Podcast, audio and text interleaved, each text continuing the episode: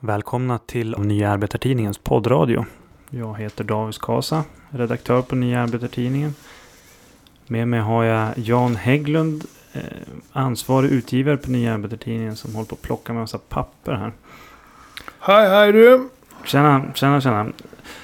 Eh, sen har vi faktiskt publik här också i våran eh, studio. Är väl lite väl pretentiöst att kalla det. Men vi kallar det för studio. För ni som lyssnar kan nog inte se hur det ser ut.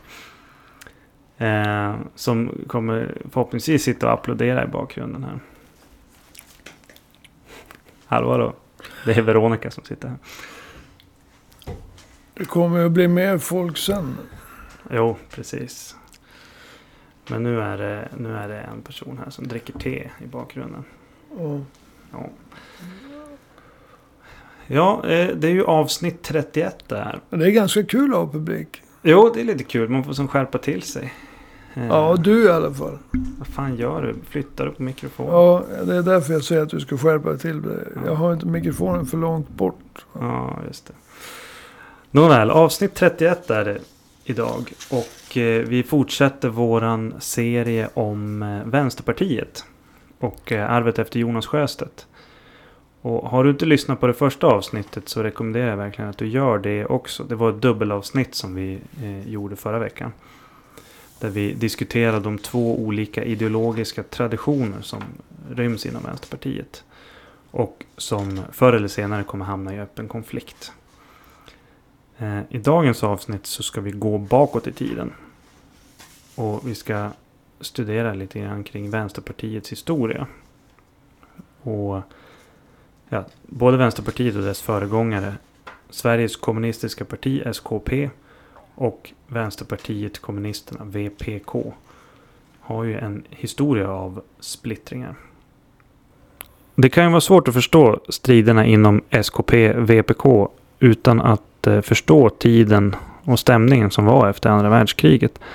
Så jag tänkte Janne att du kunde börja med att beskriva lite av stämningarna eh, som rådde på den tiden.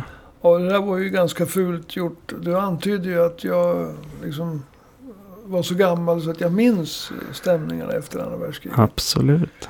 Men, men nu var det ju inte riktigt så. Utan eh, jag är född eh, efter andra världskrigets slut. Mm. Ja, just det. Jag vill Mm. bara betona det så Mm. lyssnarna får det klart för sig. Va? Japp. Alltså jag är inte från barna i Hedenhös. Va? Det, var, det var före min tid. Mm. Ja. Mm. Mm. Nej men eh, däremot så, så minns jag stämningen efteråt. Och eh, jag kom från en familj där man ständigt hade diskussioner. Socialdemokrater mot morfar som ansåg sig vara kommunist. Mm. Fast han var inte organiserad kommunist. Då skulle han ha gått ur. Mm. Men han, eh, han eh, citerade friskt Marx, och Mao. Som han uppfattade dem. Mm. Så Satte ord i deras mun. man kan väl säga det. Va? Fast han eh, hade fått... Han, alltså han förstod det här med eh, klasser. Mm. Klasskamp. Mervärde. Och sen körde han själv. På Ja. det va. Men den här tiden. Alltså det var en, en oerhört dramatisk tid. Om man tittar på. Om man var kommunist. eh, Som C.H. Hermansson. eh, Som ju blev partiledare 1964. Mm. Så pressades man ju av enorma krafter. Alltså. Vad kommunisterna fick med sig från slutet på andra världskriget. Det var ju en enorm stolthet över Röda armén. Och det där var långt utanför det lilla kommunistpartiets kretsar. Alla visste. Socialdemokrater och ärliga borgare. De visste att det var Röda armén och det sovjetiska folket som hade burit huvudbördan av att besegra Nazitysklands krigsmaskin. Mm. Och det där gav en väldigt, väldig popularitet åt Sovjetunionen. Jag menar, i, I USA så kallar man Stalin för Uncle Joe. Mm. Och när Khrushchev for på en turné i USA. Så stod det alltså, oändligt många människor efter det vägen där hans tåg rullade fram. Och så fick han, Kruse var ju lite impulsiv. Va? Så han fick ju för sig att han skulle gå, gå ut ur tåget till Secret Service stora förtvivlan. Och prata med en bonde i trakten. Ja. Så han marscherade rakt ut bland eh, amerikanerna. Och Secret Service höll på. Han kan ju bli skjuten. Någon kan ju slå han. Nej, han gick fram och tog en bonde i handen. Och på stående fot gjorde han upp en kontrakt. Det var en majsbonde om jag inte minns fel. Så han skrev kontrakt med den här majsbonden att han skulle leverera majs till Sovjet. Och bonden, bonden vart ju... Och tv filmade ju och, och de frågade bonden sen vad han tyckte om... om eh, det var ju modernt jordbruk med Mhm, traktorer och mhm. sånt där. Imponerad på Krusse. Och, och, men Krusse visste ju också liksom värdet av... Han var ju PR-geni. Mm. Så att, jag menar, han var ju enormt populär. eh, På det sättet. Det Krusse hade gjort, Khrushchev, Nikita Khrushchev. Det var ju att han, för att ta den andra sidan. 1956. På det sovjetiska kommunistpartiets 20 kongress.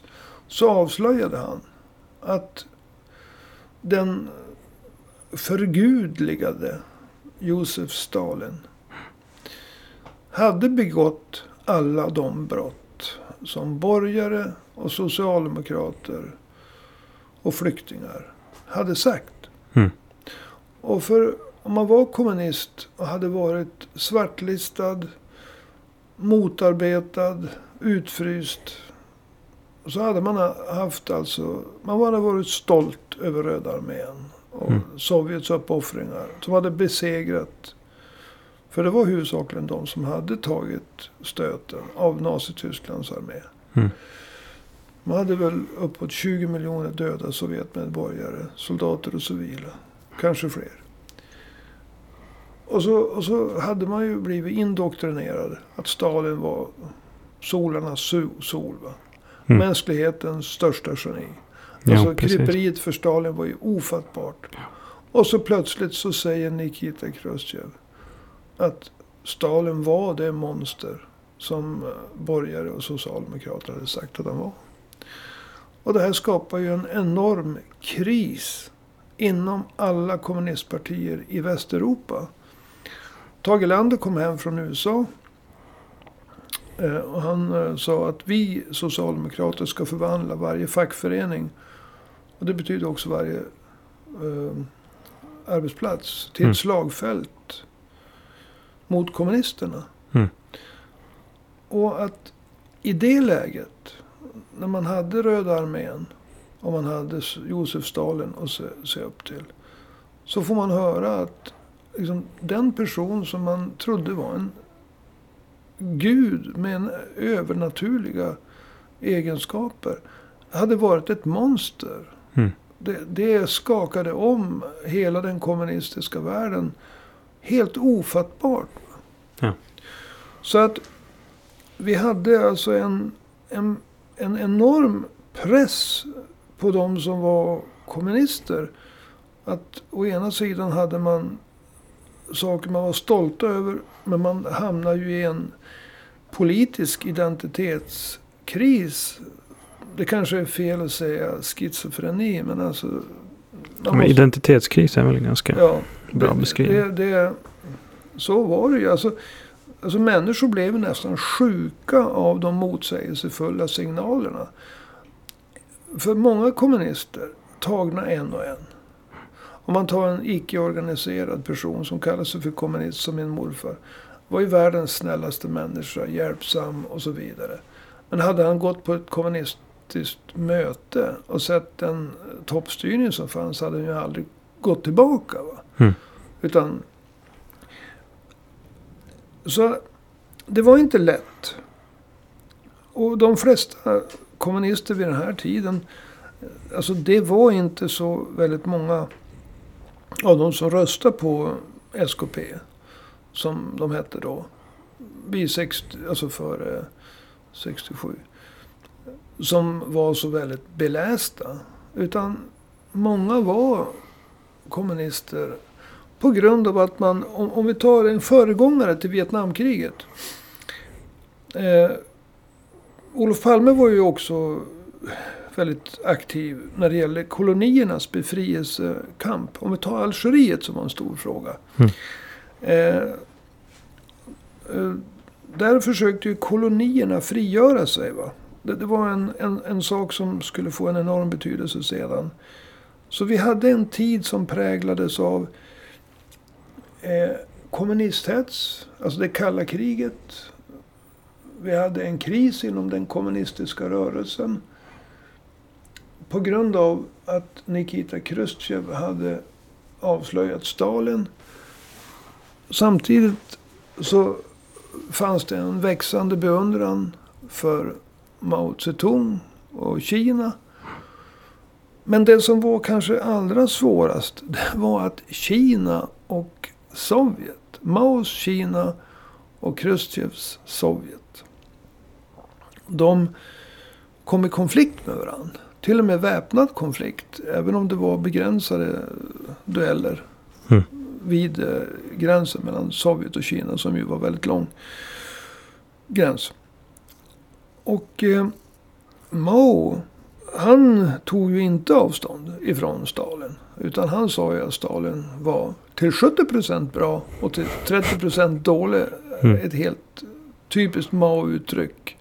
Och med det menar jag att Maos uttryck inte var definitivt speciellt klargörande. Nej. Utan för Mao, alltså Mao för mig det är hellre frisk, eh, stark och rik än fattig, svag och sjuk. Va? Mm. Ja. Och hela Maus lilla röda är fylld av sådana där självklar, självklarheter. Hela Maus lilla röda. Ja, precis. Men det var en motsägelsefull tid. Och det man kan säga va, det är att lyssna på låten Great Balls of Fire med Jerry Lee Lewis. Lyssna på Elvis Presley. Alltså det fanns ingen Jerry Lee Lewis, det fanns ingen Elvis Presley. Alltså ungdomen började Vart fanns det ingen sådana någonstans? i öst. Mm. Och om du var med i ett ungdomsförbund i väst till ett kommunistiskt parti. Och så såg du hur gubbjävlarna, ursäkta, såg ut. Centralkommittén i Sovjet. Va? Mhm. Tråkigare människor fick du leta efter. Och så jämför du med Elvis, Jerry Lewis och alla andra. Alla svarta bluesartister och så. Alltså de var, de var inte så ofta på kort men de, de kunde ju boxas. Jag menar Mm. Floyd var ju över här.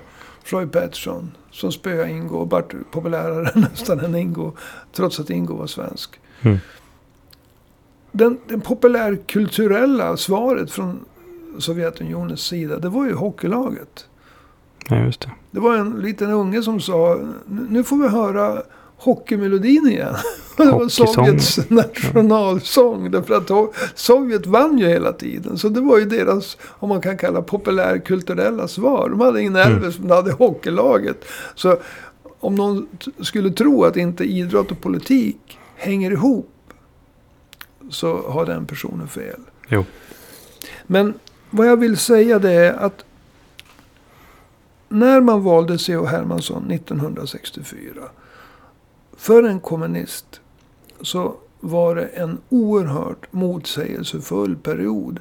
Där marken skälvde under fötterna och den absolut största saken var att Nikita Khrushchev hade sagt att Stalin var det monster som alla andra hade sagt. Och som de hade gått emot med hela sin själ. Alla västeuropeiska kommunistpartier. Och sen hade det brutit ut en motsättning mellan, den, mellan kyrkan i Moskva och kyrkan i Peking. De, det var inte bara det att man hade olika ord. Man hade till och med skjutit på varandra över gränsen. Mm. Den sino-sovjetiska konflikten kallas det för. Mm. Och samtidigt så höll den koloniala befrielsekampen på att nå det allmänna medvetandet. Och jag har nämnt, eh, eller nu nämner jag det, FLN-gerillan. Eh, som inte ska blandas ihop med FNL i Vietnam senare. Det var en, det var en svår period att vara kommunist i. Mm. Stalinist. När jag säger kommunist så menar jag stalinist. Ja, just det. Eh, ja, du nämnde valet av C.H. Hermansson 1964. Eh, vad var det, om man tittar vad som hände inom i Vänsterpartiet, vilka var liksom stridsfrågorna efter valet av honom? Ja, så C.H. Hermansson var ju en... Han efterträdde en traditionell person som var så här uh, Sovjet-trogen i alla lägen. Mm. Hilding Hagberg tror jag han hette. Hilding Hagberg, ja. C.H. Hermansson, han hade ju intelligens nog. Insikt nog. Att eh, förstå att någonting måste göras. Vi kan inte framstå eh, som fullständiga ja-sägare, nickedockor till Sovjet. För det var ju så att det här är ju inte bara elakt snack från högern.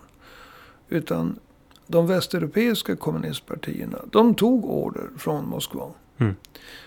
Och de fick också ekonomiska alltså subventioner. Va? Det gick till på olika sätt. Man fick fara på semestrar, man fick fara på, skicka ungdomar på kurser som var dolda semestrar. Mm. Man, man, fick, eh, Sovjet köpte saker av västeuropeiska kommunistpartier till ganska groteska överpriser. Det var ett sätt att överföra pengar. Mm. Man var både ideologiskt, politiskt, ekonomiskt beroende av Sovjetunionen. Va? I ett läge då Socialdemokraterna skulle förvandla varje arbetsplats, varje fackförening till ett slagfält mot kommunisterna. Och då kommunisterna framstod, jag menar, minst sagt som tråkiga. Mm. Och så hade vi då, ja, en konflikt dessutom. Och, och gudarnas gud, alltså mänsklighetens största geni, Stalin. Så, så, alltså för, för många, alltså när, när, när Khrushchev säger att Stalin var det monster som alla hade sagt. Alltså det, det var ett sammanbrott med världsbild. Mm. C.H. Hermansson förstod att man måste röra sig bort ifrån det här. Man måste, man måste komma mer i takt med tiden. Man kunde inte ligga hundra år e- efter. Alltså jag säger bara en sak igen. Elvis Presley. Jerry Lee Lewis. Mm. Alltså visst, hockey hjälpte men inte speciellt mycket. va. Ja, det är inte så många ungdomar heller som lyssnar på Röda armé-körens eh, låtar. Men eh, så man kan säga att C.V. Hermansson han stod som för en sorts förnyarfalang då inom eh, SKP, VPK. Vilka var de andra falangerna? Ja, alltså det var ju Hilding Haberg. Alltså de som die hard. Vi ska inte rubba oss en millimeter.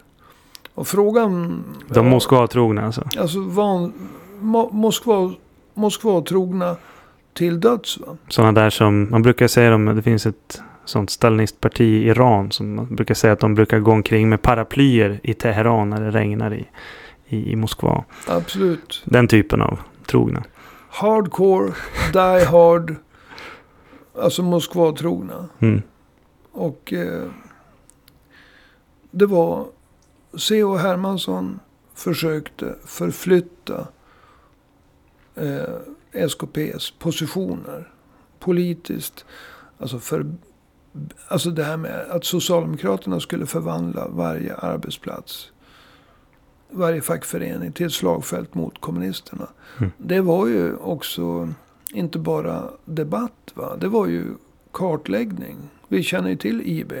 Mm. Informationsbyrån. Det var ju svartlistning.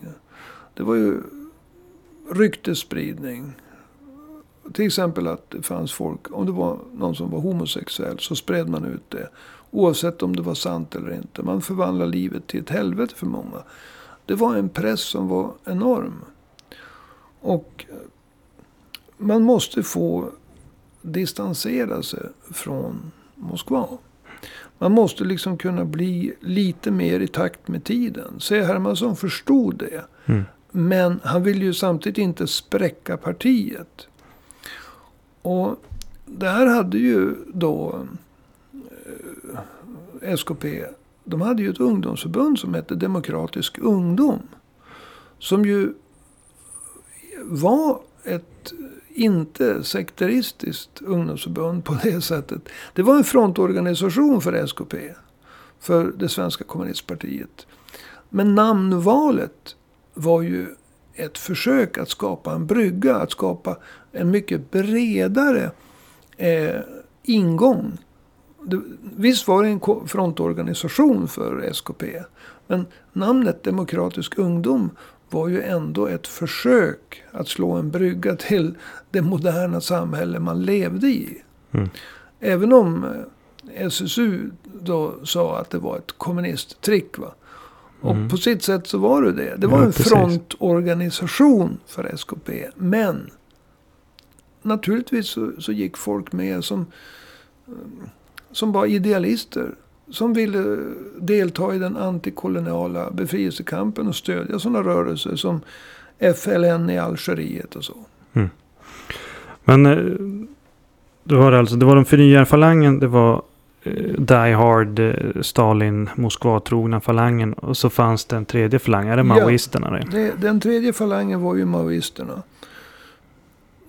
Därför att... Det, var, konflikten där mellan Mao och Stalin som ja, alltså, skapade det där eller? Mao hade ju en del saker som uppfattades som fräscht. Det var ett motsägelsefullt budskap som kom från Kina och Mao. Eh, Mao tog ju inte avstånd ifrån Stalin. Utan maoismen var ju på, på det sättet inte någon förnyarfalang. Mm. Som C.H. Hermansson. Utan maoisterna, det var ju mer alltså tillbaka till Stalin. Medan de Moskvatrogna och Hilding Hagberg, de stod ju fast vid Khrushchev. Mm. Och senare stod de fast vid Brezhnev. Mm. Alltså kort sagt, vad än Moskva gjorde så stödde vi Moskva. Precis. Paraplyerna när det regnar och så vidare. Ja visst. Mm. Men, men eh, maoisterna, de skulle ju så att säga tillbaka till Stalin. Mm. Å ena sidan. Å andra sidan. Och eh, det här var ju typiskt för maoismen. Eh, så fanns det ju ett annat budskap. Och det var ju kulturrevolutionen som lurade alla så att säga intellektuella kommunister. Va? Mao sa, låt hundra, nå, låt tusen blommor blomma, låt hundra tankeskolor tävla. Mm. Ja men det lät ju som Låter ju demokrati. fint. Ja, visst. Och kulturrevolutionen. Det låter ju också bra. Kultur och, ja, Revolution och... ja, och barfotaläkare. Det var väl undersköterskor i bästa fall. Det lät ju progressivt. Att man såg dem liksom springande omkring på landsbygden och byta Utan bandage. skor. Ja, ja. ja. Och, och Jan Myrdal, som aldrig har haft fel i hela sitt liv, fick eh, besöka en kinesisk by som var i ordningställd. Ja. eh, för honom då. Och han upptäckte ju att det här byn, fungerar ju allting bra va. Det kanske var den enda byn i Kina som funger, där fungerar bra. Men det var ju troligt. naturligtvis dit Mao styrde honom va. Eller Mm. Mao, men myndigheterna i Kina. Och han skrev en bok, Rapport från en kinesisk by. Som, det var väldigt många intellektuella, inte bara i Sverige. Som fick en enorm beundran för Kina. Ja. Så å ena sidan så var Mao fräsch. Och eh, för övrigt så hade inte de kinesiska generalerna så mycket dingerdanger på sig som de gamla ryska som hade tagit eh, tillbaka tsar-generalernas eh, ja, epauletter överallt. Mm. Va? De såg ut som Såg inte julgranar. klok ut. Såg ut som julgranar. Ja. Eh, så det fanns ju någonting nytt fräscht eh, i samband med Mao. Mm. Trodde, tyckte folk. Ja. Men politiskt så var det ju en återgång till Stalin. Som ju hade varit bra till 70 procent. Mm. Så att, eh, men det viktiga här det var att det fanns inte bara en kyrka. Mm. Den i Moskva. Eller om vi ska jämföra. Mm. Katolicismen var den enda, det var kristendomen. Sen kom Mm. protestantismen. Då var det två kyrkor. Jo. När Peking bröt med Moskva.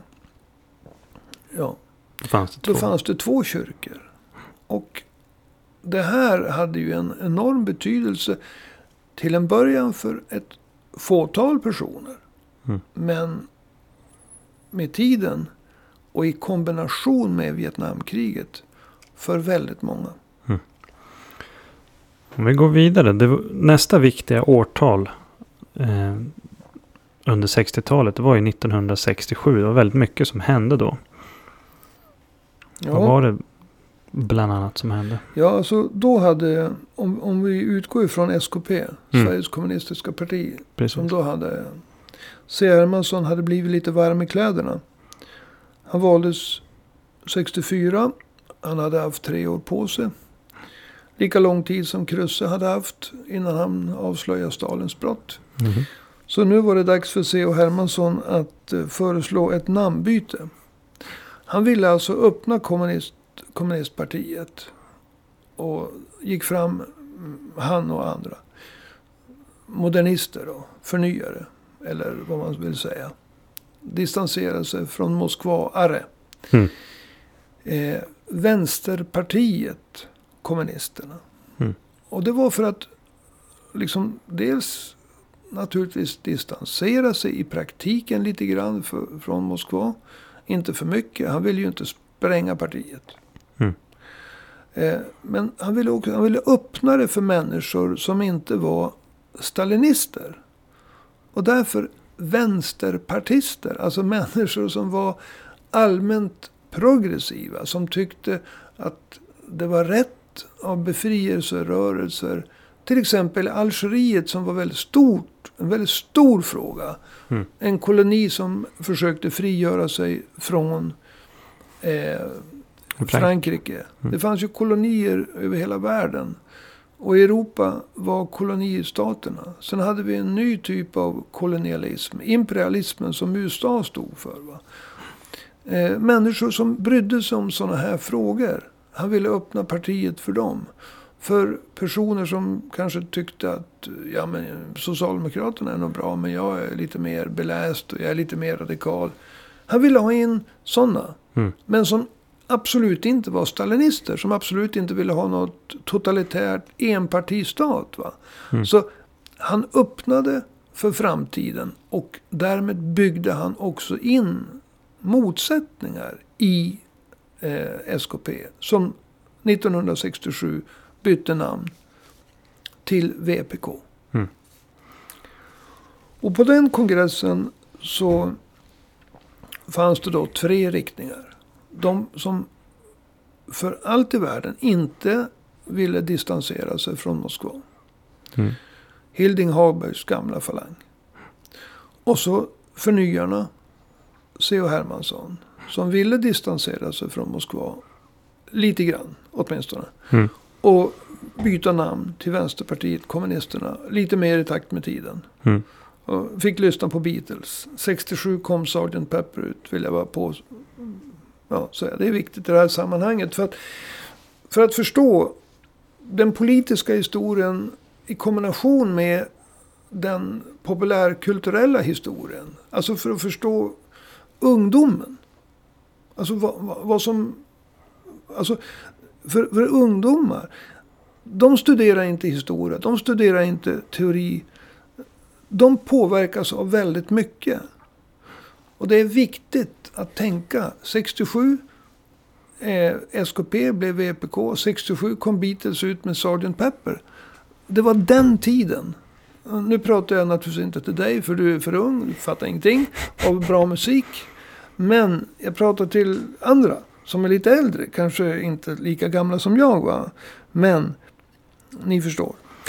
Åter till eh, VPKs kongress där då. Eller de var väl fortfarande SKP. C.H. Hermansson. Det fanns en tredje falang. C.H. Hermansson. Jag säger det. C.H. Som han kallades av de som gillar honom. Och det var de flesta va? Även borgare, socialdemokrater. Han lyckades hålla ihop eh, partiet när det gäller de Moskvatrogna och hans egen förnya falang. Mm. Men de som liksom han kanske inte hade räknat med, det var maoisterna. Ja. För strax, de var emot ett byte. Men Ja. alltså, det är det att maoisterna, de, på, på sätt och vis så gjorde de att de Moskvatrogna och C.H. Hermanssons falang var ju inte Peking-influerade. De höll ju ihop lite grann mot maoisterna som liksom ville slänga Moskva åt helvete till 100 procent. Om vi nu ska prata som Mao. Mm. Så att de som ville distansera sig lite från Moskva, C.H. Hermansson, och de som ville stå kvar 100% vid Moskva kunde ju ena sig mot maoisterna. Mm. Maoisterna hade en paradoxal effekt. De sprängde partiet. Mm. För när partikongressen var slut. Så den opposition som hade verkligen märkts på partikongressen var ju den maoisterna. Bo Gustafsson med flera. Mm. Och de bildade snabbt då ett maoistiskt influerat parti som kommer att heta Kommunistiska förbundet ML. Marxist-leninisterna. Mm.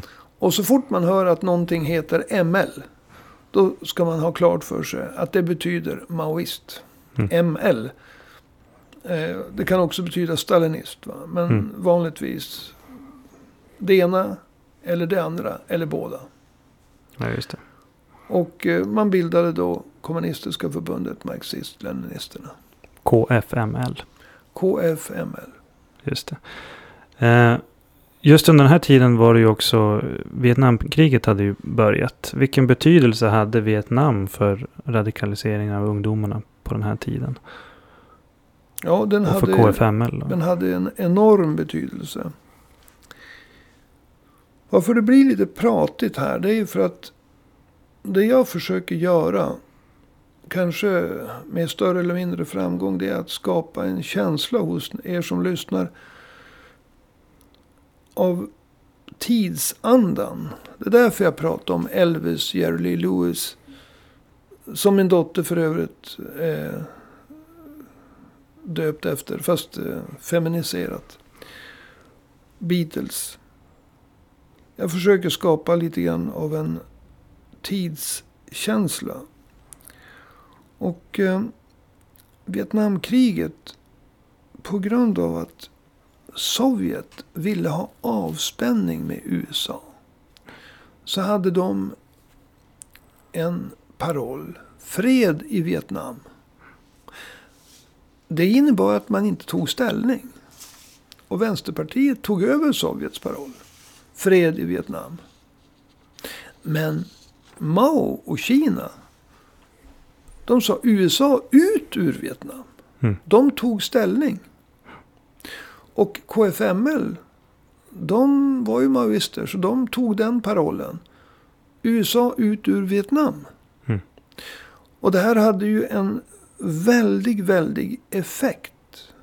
Hos de ungdomar som ofta har... eh, Alltså det är alltid ungdomar som tittar över gränserna. Det är ungdomar som har en internationell eh, syn. Ofta studenter. Och sen sprider sig neråt till gymnasieungdomar.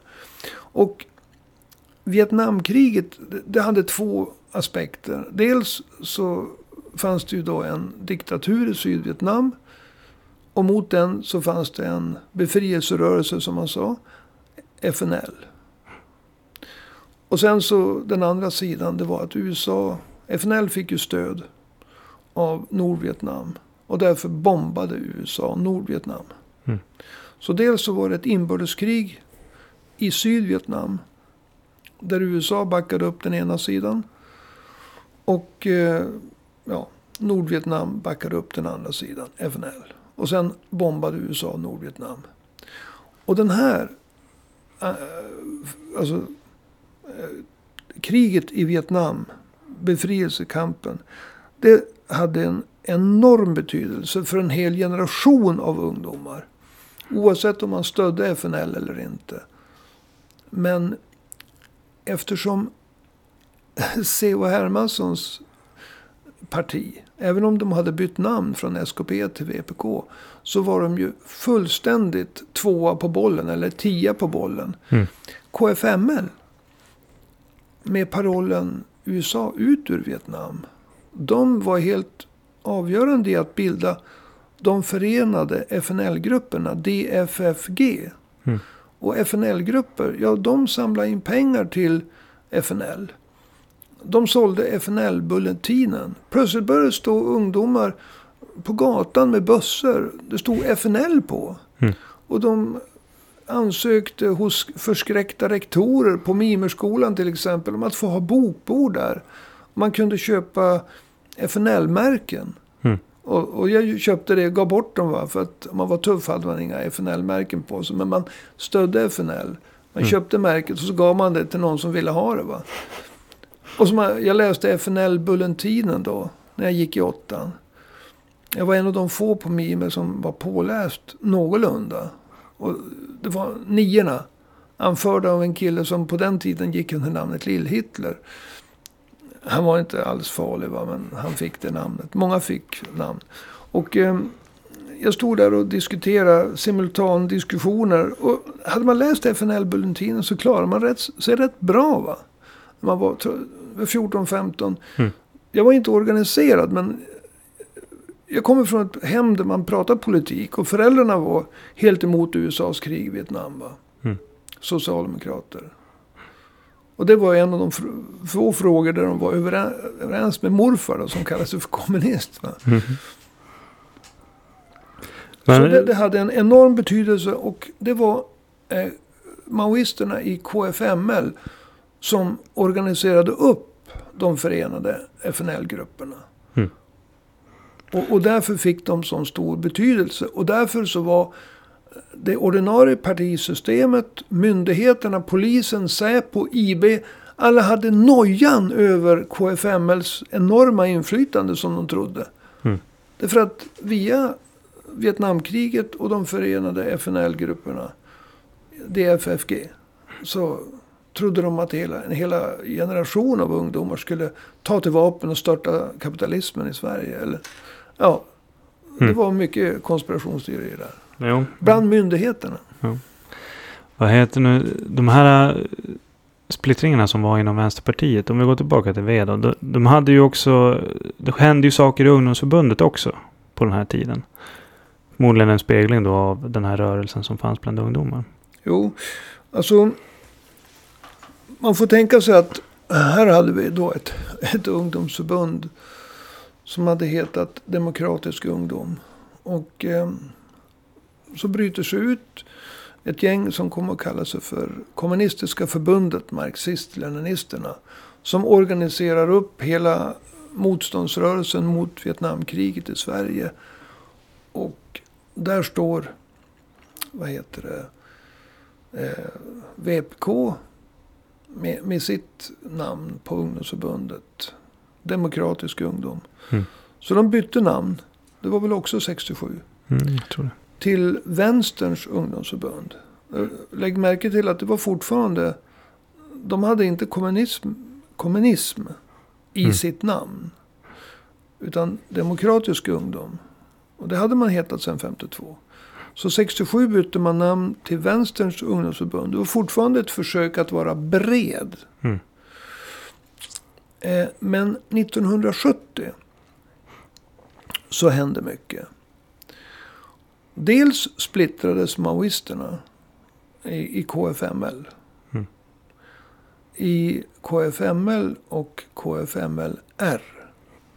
Eh, KFMLR var allt tydligare misstänksamma mot Mao. Och jag tror tre år efter splittringen. Ja, eller ett antal år efter splittringen. 76 kanske. Då slängde man ut Mao. Men man var desto mer eh, entusiastiska för Stalin. Va? Mm. Vad som hände Så att KFML splittrades i KFML och KFMLR 1970. Eh, men när det gäller eh, Vänsterpartiet, kommunisterna, VPK. Så splittrades ungdomsförbundet. Eller det var väl i stort sett hela ungdomsförbundet bröt sig ur.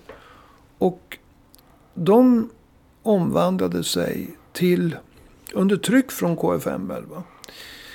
Eh, marxist, eh, MLK, Marxist-Leninistiska kampförbundet. Eh, och där återfanns eh, Göran Skytte, journalist. Och Gudrun det. Schyman för övrigt. Just det. Där hon började. Ja. Och eh, det var majoriteten av VPKs ungdomsförbund. Som bildade MLK.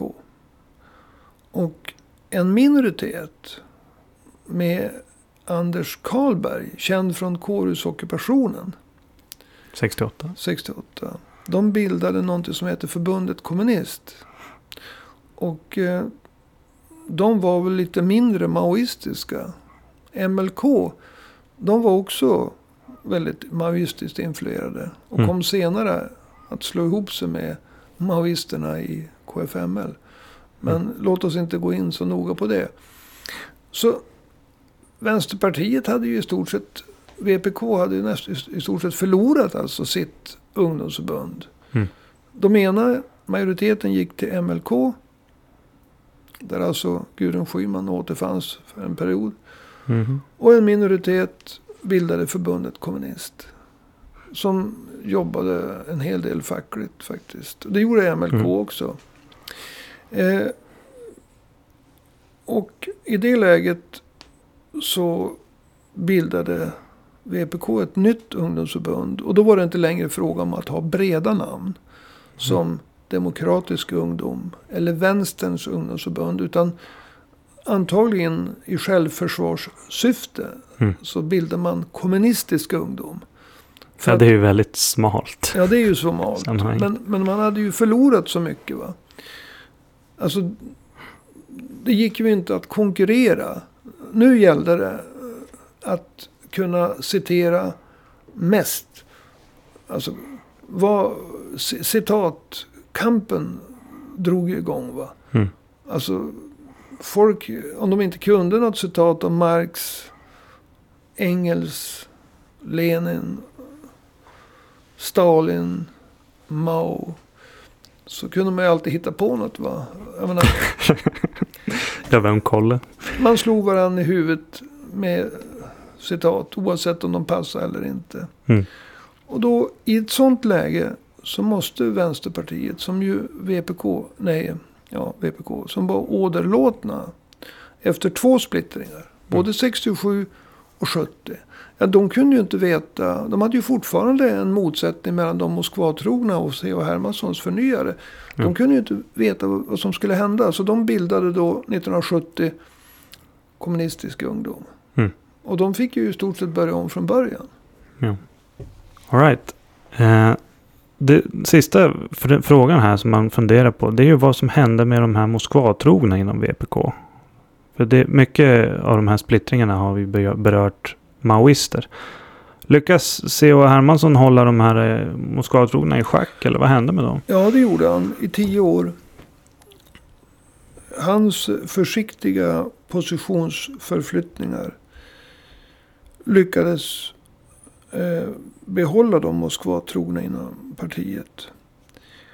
Och eh, eh, det var först 1977, alltså efter tio år, som de Moskva-trogna under Alf Lövenborg och Rolf Hagel bröt sig ur och bildade någonting som då hette APK, Arbetarpartiet Kommunisterna.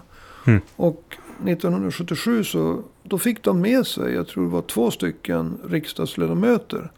Så att APK så att säga hamnade i riksdagen via två stycken politiska vildar. Som då hörde till APK. Så att eh, nu var inte APK en så väldigt imponerande eh, rörelse. När man såg bilderna från deras kongress så var det ganska många som hade samlats. Men eh, medelåldern låg på mellan 70 och 75 år. Och det var rätt mycket 1977. Mm. Och eh, det var liksom de, the last stand av Die Hard Moskva-trogna. Eh, Mm. Och eh, eh, det här ledde då paradoxalt nog till att eftersom APK var ju slaviskt Moskva-trogna. Mm. Så när Lars Werner efterträdde C.H. Hermansson. På grund av att det fanns APK. Så började VPK gira tillbaka. Därför att de utsattes i sin tur för konkurrens från APK. Mm. När det gällde Sovjets gunst. C.H. Hermansson hade aldrig för avsikt att bryta med Sovjet. Mm. Ville bara skapa oberoende. Och det här var i en tid då begreppet eurokommunism, som vi inte ska gå in på idag, eh, var ett vanligt begrepp. Det var framförallt de stora kommunistpartierna i Europa, Italien, Frankrike, eh, som ville skapa en sorts teoretisk grund. Som inte C.H. Hermansson hade- hade ambitionen att göra. Men det handlade hela tiden om att distansera sig från Moskva och försöka anpassa den kommunistiska, de kommunistiska partierna i Västeuropa. Men i och med att APK bildades, och de var ju 100% för Moskva. Så under, C, alltså under Lars Werner, som efterträdde C. Hermansson, så började VPK återigen bli mer Moskva-troget. Mer kontakter med DDR Mm. och så vidare.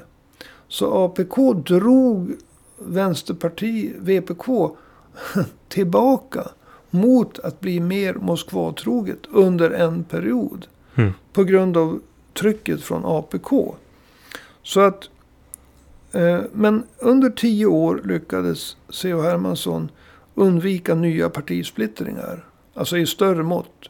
Personer hit och dit får ju fram och tillbaka mellan alla de här organisationerna. Men Mm. de stora eh, splittringarna var 67 då KFML bildades. Sen 70 då man förlorade ungdomsförbundet. Och sen 77 då APK bildades. De Moskva-trogna drog. Mm. All right.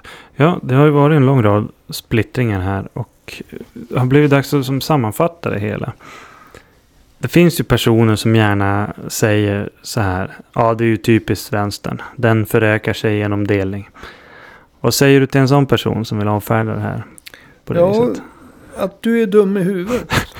det skulle jag säga. För att, alltså ta för den kommunistiska världsrörelsen. Som var stalinistisk. Alltså, om vi tänker att du är kristen. Det fanns en enda kyrka, den katolska. Och så plötsligt så kom, får vi på olika sätt en protestantisk kyrka. Det ledde till en 30-åriga kriget. Ja. Och de här rörelserna som skedde inom den kommunistiska. Menar, tänk vilka. Du hade Sovjet. Titta, Mm. tänk på ytan. Tänk på befolkningen. Tänk på naturtillgångarna. Östeuropa. Kina. Tänk på ytan. Tänk på befolkningen.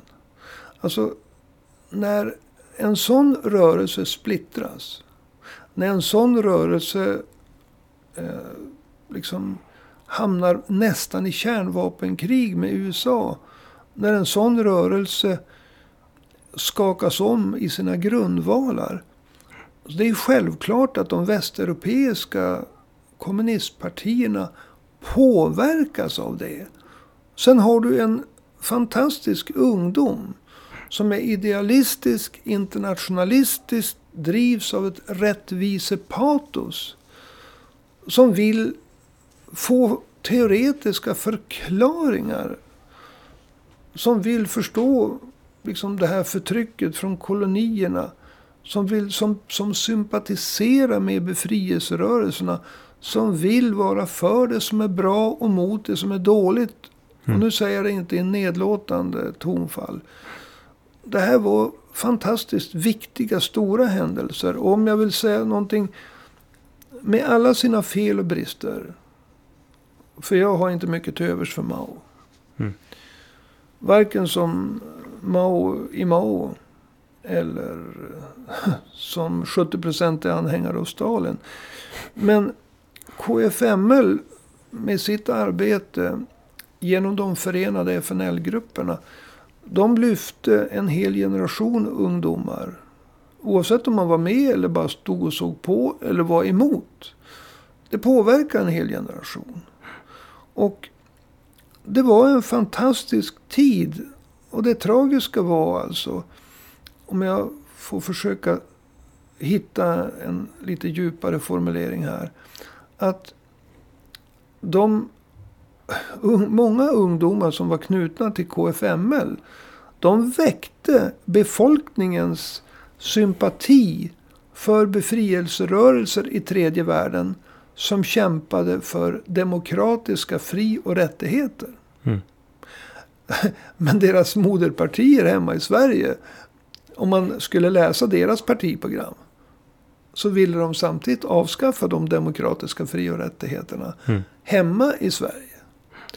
Och därför var de här rörelserna, KFML, KFMLR, MLK, Kommunistiska förbundet. De var förmögna att visa ungdomarna hur de skulle vara solidariska med befrielserörelser som ville göra sig av med kolonialmakter och imperialism och slåss för demokratiska fri och rättigheter. Mm. Borta. Samtidigt så ville de avskaffa samma fri och rättigheter hemma. Och därför kunde de aldrig förena ungdomsrörelsen med den begynnande arbetarkampen för demokratiska fri och rättigheter på arbetsplatserna. För det var väldigt ofta så att demokrati fanns i Sverige. Det var det att de tog slut när man gick in genom fabriksgrindarna.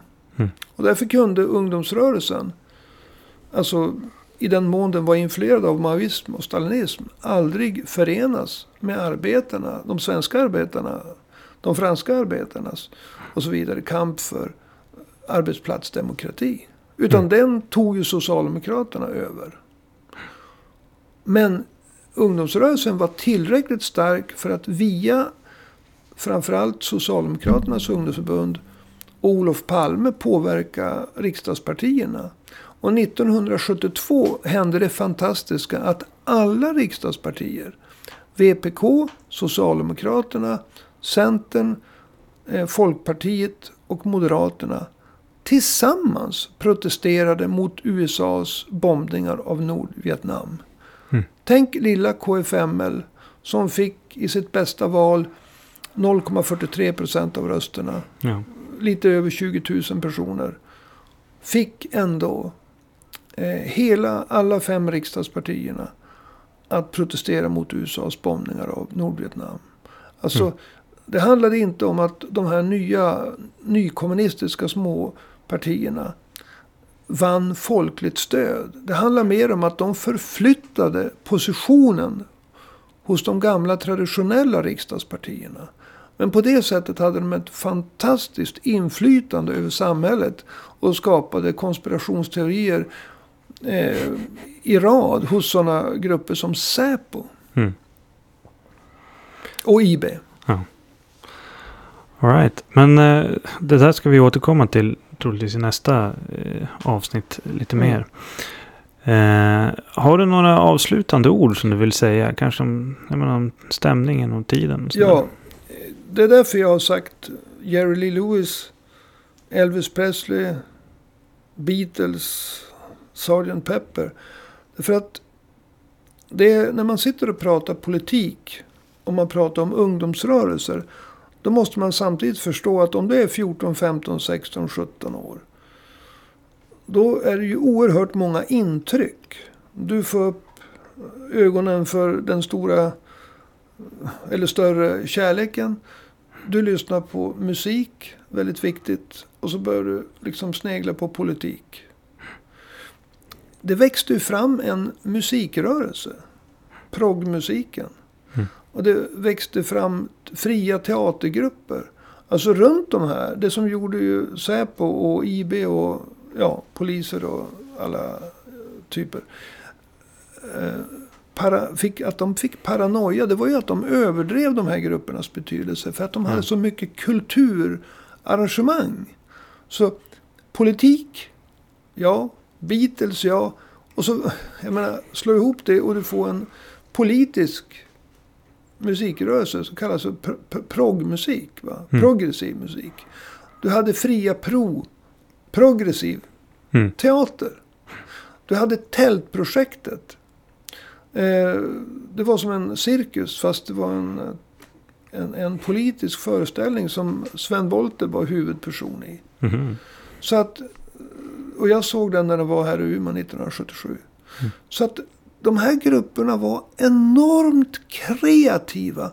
Och jag menar Vänsterpartiet, VPK under C.H. Hermansson, de stod ju still. Det var så mycket kreativitet, energi.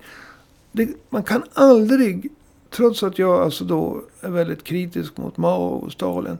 Du kan aldrig ta ifrån eh, de här grupperna den fantastiska energiutveckling som de gjorde. Och den enorma allmänna höjningen av allmänbildning i samhället. Det var det positiva. Sen att Stalin och Mao naturligtvis var en återvändsgränd. Mm. Och det här ledde till tra- tragedier. När, när människor inte visste var de skulle ta vägen, brände ut sig och så vidare. Det är en annan sak. Vi återkommer till det. Mm. Men jag försökte bara ge en, en eh, när jag pratade om Beatles och Mm. så, en, en, en bild av hur många intryck som samtidigt drabbade ungdomar på den tiden. Och jag var en av dem. All right. Ja, jag får tacka så mycket. Det är ju en, det är en tid som på många sätt alltså, var speciell. Kommer inte komma tillbaka eh, på det sättet. Det är Så en att, tid som man måste utvärdera och man måste framhålla de positiva sidorna och de negativa sidorna. Mm. Men de positiva sidorna får inte glömmas. Det är många människor nu som pratar om den tiden med ett föraktfullt sätt. Men det skulle aldrig jag göra. All right. Men du, tack så mycket för idag då, Janne. Tack, tack. Och tack publiken som sitter här och applåderar i bakgrunden. Ja, tack. Och jag hälsar fler välkomna att komma hit som publik i kommande avsnitt.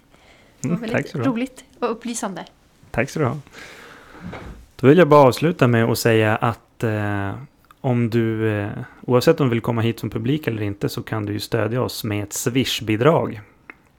Eh, man skickar till 123 504 7105.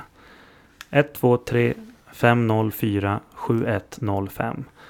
Och vi brukar ju säga det att det finns inget bidrag som är för stort. Utan det är bara att swisha på. Och ja, tycker du att du inte får nog bara med podden så kan du börja prenumerera på vår tidning också, Nya Arbetartidningen, på arbetartidningen.se. Kostar 30 spänn i månaden. Det är inget hemmansköp, som man säger i Västerbotten. Med de orden så eh, tackar jag för att du har lyssnat så hörs vi igen nästa vecka. Hej då!